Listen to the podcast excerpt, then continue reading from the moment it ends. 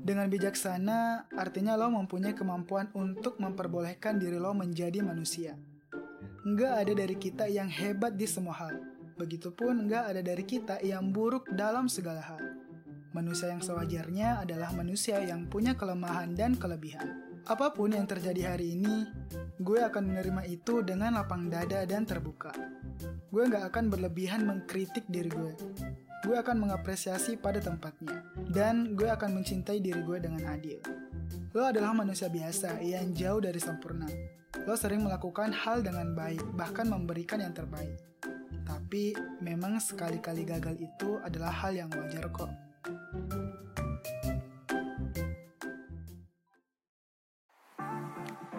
Welcome to Click Class Podcast sebuah karya podcast dari Klik Kelas yang menyajikan berbagai insight positif yang akan menemani hari-harimu.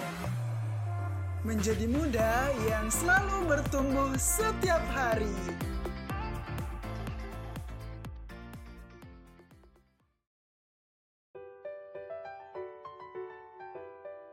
Halo Clickers, Assalamualaikum warahmatullahi wabarakatuh. Gimana nih kabar lo hari ini? Gue doain semoga baik-baik aja ya semuanya. Kembali lagi bersama gue Ari di Klik Kelas Podcast. Gak kerasa nih sekarang udah episode ke-11. Dan gue mau bahas tentang cara untuk menerima diri sendiri. Seperti biasa nih sebelum lo lanjut dengerin, gue saranin buat lo denger pakai headset atau earphone. Biar audionya terdengar lebih jelas lagi. Sip, selamat mendengarkan.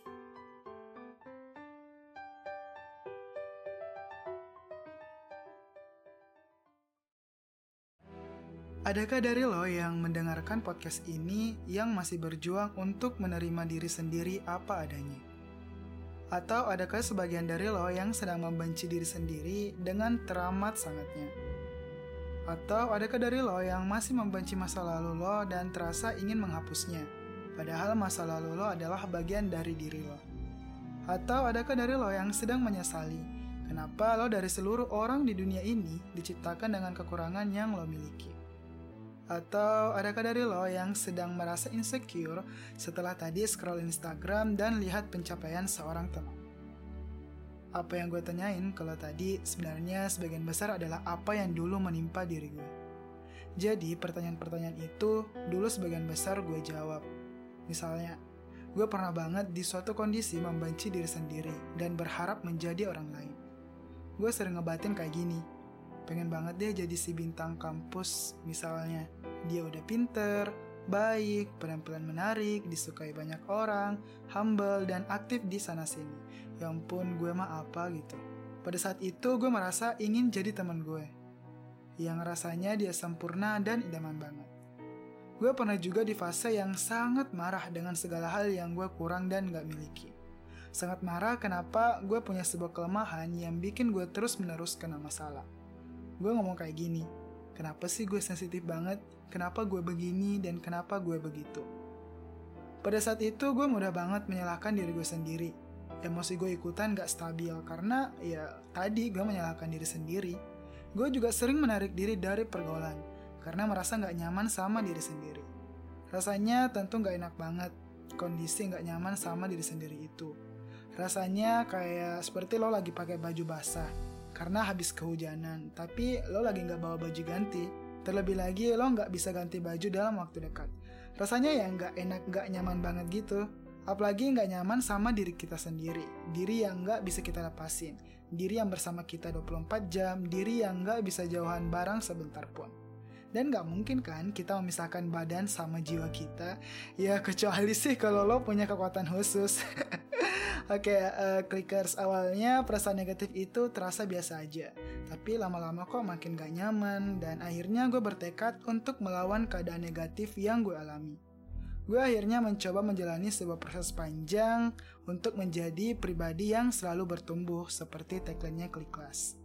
Pada awalnya gue mulai dari memahami diri gue sendiri, alias yang dikenal dengan sebutan self-awareness. Sebab, tahapan untuk menjadi orang yang lebih bahagia dengan dirinya sendiri adalah punya pemahaman diri yang baik, sebelum ke tahap selanjutnya yaitu menerima diri sendiri. kalau lo mau denger cerita gue untuk memahami diri sendiri, gue udah sempet cerita di podcast yang berjudul Memahami Diri Sendiri di beberapa episode lalu. Bisa lo cek setelah dengerin podcast yang satu ini. Oke, long story short, uh, gue mulai memiliki pemahaman diri yang baik. Tugas gue selanjutnya adalah menerima diri gue. Penerimaan diri adalah kemampuan menerima diri kita sebagai manusia secara utuh, termasuk dengan seluruh kelebihan dan kekurangan kita. Menerima diri sendiri artinya kita menyayangi diri kita, terlepas kita dalam kondisi yang kita alami, baik itu kondisi bahagia atau sedih, dalam kondisi gagal atau sukses, dalam kondisi yang susah maupun senang. Menerima diri sendiri tidak cukup hanya dengan menerima sisi baik kita saja, tetapi juga bagian terburuk, tergelap, termenjengkelkan, termenyebalkan, dan terterlain yang jelek-jelek dari diri kita. Terus mungkin clickers nanya kayak gini, tapi itu susah banget menerima diri sendiri. Oke, um, iya sih, gue tahu itu sangat susah. Apalagi melawan kritik internal yang udah mendarah daging selama belasan tahun di hidup kita. Gue menjadi salah satu orang yang pernah sangat sulit menerima diri sendiri. Kalau lo merasa kesusahan untuk menerima diri sendiri, itu memang hal wajar kok. Kalau nggak susah, ya nggak akan jadi pembahasan di seluruh dunia soal bagaimana mengembangkan diri menjadi tenang dan happy dimulai dari memahami dan menerima diri sendiri dengan bijaksana. Dengan bijaksana artinya lo mempunyai kemampuan untuk memperbolehkan diri lo menjadi manusia seutuhnya. Nggak ada dari kita yang hebat di semua hal. Nggak ada dari kita yang buruk dalam segala hal. Manusia yang sewajarnya adalah manusia yang punya kelemahan dan kelebihan. Menerima diri sendiri artinya lo nggak membuat diri lo jadi manusia super nggak wajar ia nggak boleh punya kelemahan atau sebaliknya nggak punya sama sekali kelebihan. Manusia pasti punya kelemahan juga kelebihan, kecuali lo Tuhan yang maha segalanya. Tapi pada faktanya kan kita adalah manusia dengan segala kelemahan dan kelebihan yang kita miliki. Sejujurnya sebagai perfeksionis, gue pun merasa bahwa menerima diri sendiri itu PR banget. Gue punya kritik internal yang sangat tinggi. Mungkin lo bertanya-tanya, apa yang gue lakukan saat itu. Ini beberapa hal yang gue lakuin dengan bimbingan profesional. Oh, memang sih, menerima diri sendiri itu akan menjadi perjuangan yang berbeda-beda pada setiap orang. Misalnya ada yang merasa badannya nggak ideal, ada yang merasa jurusannya yang nggak ideal, ada juga yang merasa keluarga dan realitas di sekitarnya yang kurang sesuai dengan harapannya. Makanya gue selalu mengatakan, proses menerima diri sendiri itu sebuah perjalanan menjadi pribadi yang selalu bertumbuh. Tapi di sini kita semua bisa belajar kok untuk menerima diri sendiri apa adanya. Pertama, berteman dengan diri sendiri atau self compassion. Gue terlebih dahulu selesaikan masalah gue di bagian memahami diri alias self awareness. Setelah gue tahu peta diri gue apa adanya beserta kelemahan dan kelebihannya, gue beranjak berteman dengan diri gue sendiri secara utuh. Nggak menerima diri sendiri itu ibarat lo nggak mau temenan sama diri lo apa adanya. Berteman dengan diri sendiri artinya menjadikan diri kita sebagai teman baik bagi diri sendiri. Kalau teman baik lo suatu saat mengalami kegagalan, apa yang akan lo katakan kepada dia? Apa yang akan lo lakukan saat ketemu sama dia yang sedang sedih? Kemungkinan besar lo akan menghibur dia dan mengatakan, Gak apa-apa, akan ada kesempatan selanjutnya. Lo sudah bekerja keras kok, it's okay to take a break for a while. Atau sudah, jangan sedih, gue ada di sini bersama lo. Ya sekarang pertanyaannya adalah, apakah lo sudah melakukan hal yang serupa kepada diri lo sendiri? Saat diri lo jatuh, apakah lo sudah mengatakan, gak apa-apa, besok masih bisa coba lagi kok. Gak apa-apa, gue di sini bersama lo. Ya, sudahkah kita melakukan hal serupa ke diri sendiri? Kedua, memaafkan diri sendiri. Sebuah permulaan lain yang gue lakukan juga adalah memaafkan diri gue sendiri. Memaafkan saat gue gagal, memaafkan diri sendiri saat gue ketiduran pas idealnya begadang buat ngerjain tugas, memaafkan diri sendiri saat gue melakukan kesalahan pada hal-hal yang gak gue kosain, memaafkan diri sendiri saat baru pertama kali nyoba dan akhirnya gak bisa sempurna kayak yang gue harapin, memaafkan diri sendiri saat gue ditolak beasiswa, dan hal-hal negatif lainnya. Tapi ya gimana caranya supaya memaafkan diri jadinya gak jatuh seperti pesimis atau mudah menyerah. Memaafkan diri adalah konsep yang diperuntukkan kepada kita yang punya kecenderungan pesimis dan kritik internal yang sangat tinggi. Cara memandang hidup, optimis versus pesimis juga udah gue bikin podcastnya di beberapa edisi yang lalu. Lo bisa visit juga ya di sana. Nah, balik lagi nih clickers.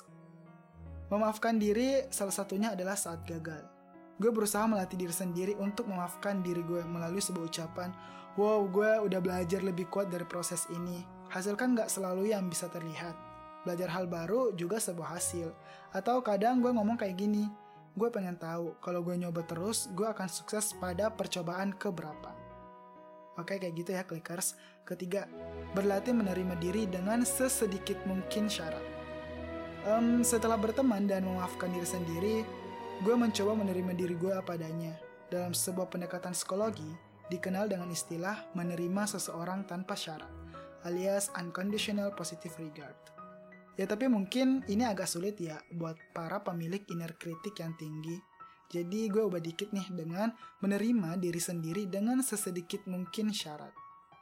Ya menerima diri saat kita lagi berprestasi, lagi berhasil dan sukses memang jauh lebih gampang. Tapi nih clickers, kalau saat kita lagi gagal, tidak berprestasi atau sedang di fase biasa-biasa aja, apakah kita bisa menerima bagian diri ini tanpa syarat?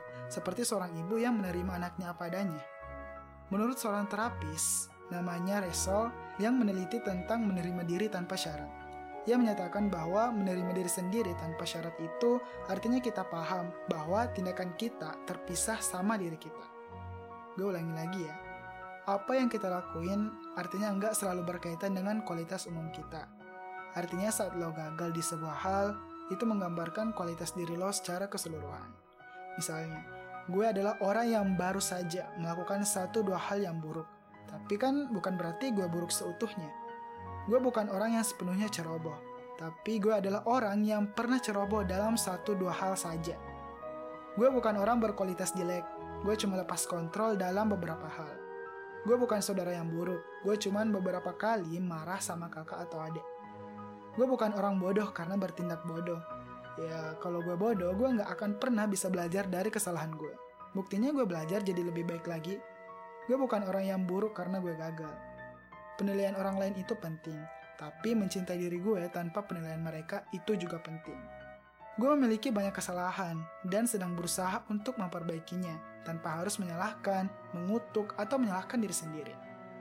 Apa pun yang terjadi hari ini, gue akan menerima itu dengan lapang dada dan terbuka. Gue gak akan berlebihan mengkritik diri gue. Gue akan mengapresiasi pada tempatnya. Gue akan mencintai diri gue dengan adil. Ya lo adalah manusia biasa, clickers yang jauh dari sempurna. Lo sering melakukan hal dengan baik, bahkan memberikan yang terbaik. Tapi memang sih sekali-kali gagal itu adalah hal yang wajar. Cara ini dilakukan oleh banyak konselor dan terapis untuk menghadapi kliennya, yaitu dengan cara menerima siapa pun yang datang apa adanya. Terlepas siapa dia, apa backgroundnya, apa pun masa lalunya, artinya kita menerima terlebih dahulu siapa pun mereka, mencintai diri kita apa pun yang terjadi. Tapi di sini ada catatannya nih clickers. Menerima diri sendiri bukan artinya menjadi pribadi anti kritik ya. Malah mereka yang menjadi pribadi anti kritik jangan-jangan nggak berani melihat dirinya secara utuh, baik dari evaluasi dari sendiri atau orang lain. Kalau ada yang mengkritik, dengarkan dan pilah-pilih. Keempat, Fokus pada hal positif yang lo punya. Saat gue merasa sangat negatif, inner kritiknya lagi kumat. Dan perbandingan sosial negatif yang bikin gue enggak menerima diri sendiri seutuhnya muncul. Yang gue lakuin fokus sama hal yang positif dari gue. Gue tahu ini susah banget. Kemarin ini gue baru aja dicurhati teman yang ngerasa enggak memiliki kelebihan apa pun. Hal ini bermula dari orang tuanya yang suka mengkritik Kemudian dia masuk ke lingkungan pertemanan yang juga kurang menghargai kelebihan orang lain, alias minim apresiasi. Bertahun-tahun berada di lingkungan yang penuh kritik dan gak apresiatif, membuat teman gue ini gak tahu cara menghargai diri sendiri. Dia tahunya adalah cara mengkritik, mengkritik, dan mengkritik diri sendiri. Apa yang dialami juga pernah gue alami, atau mungkin ada dari sebagian lo yang mengalaminya. Melawan bertahun-tahun, kita yang terbiasa mendengar kritik dan jadi belajar mengkritik tanpa apresiasi memang sulit banget. Tapi ini bisa dipelajari sedikit demi sedikit kok clickers. Dan sekali lagi, gue juga sudah belajar. Lo pasti bisa juga. Balik lagi nih ke temen gue tadi. Akhirnya gue meminta dia untuk mendaftar apa kelebihan dan apa-apa yang dia merasa bagus dalam mengerjakan sesuatu. Terus dia ngomong kayak gini, Duh, gue gak punya kelebihan nih. Akhirnya gue minta dia untuk menghubungi orang-orang terdekatnya untuk menjawab apa yang dia lakukan dengan baik, apa yang positif dari dia. Cara ini bisa lo lakuin juga. Misalnya lo merasa sulit banget untuk menemukan kelebihan diri sendiri dari kacamata lo. Coba tanya teman-teman lo, keluarga, atau orang-orang yang lo percaya. Dan lo garis bawahi tuh karakter positif yang terus muncul dari evaluasi positif teman-teman lo. Dari sini lo akan menemukan karakter positif apa saja yang menonjol dari diri lo sendiri. Bahwa lo adalah manusia sewajarnya, yang punya kelebihan, nggak cuma kekurangan aja. Oke, okay, clickers, sebagai muda yang mencoba selalu bertumbuh seperti tagline Clickers, kita nggak bisa memungkiri bahwa kita harus mulai dari memahami diri sendiri, mencintai dan menerima diri apa adanya. I know ini proses yang panjang, tapi seperti di podcast gue sebelumnya, nggak ada kata terlambat. Waktu premium itu adalah sekarang. Sekarang juga kita mencoba untuk belajar menerima diri sendiri. Dari proses ini harapannya lo bakal jadi pribadi yang lebih positif. Perasaan positif ini modal penting loh untuk menjadi sosok yang selalu bertumbuh.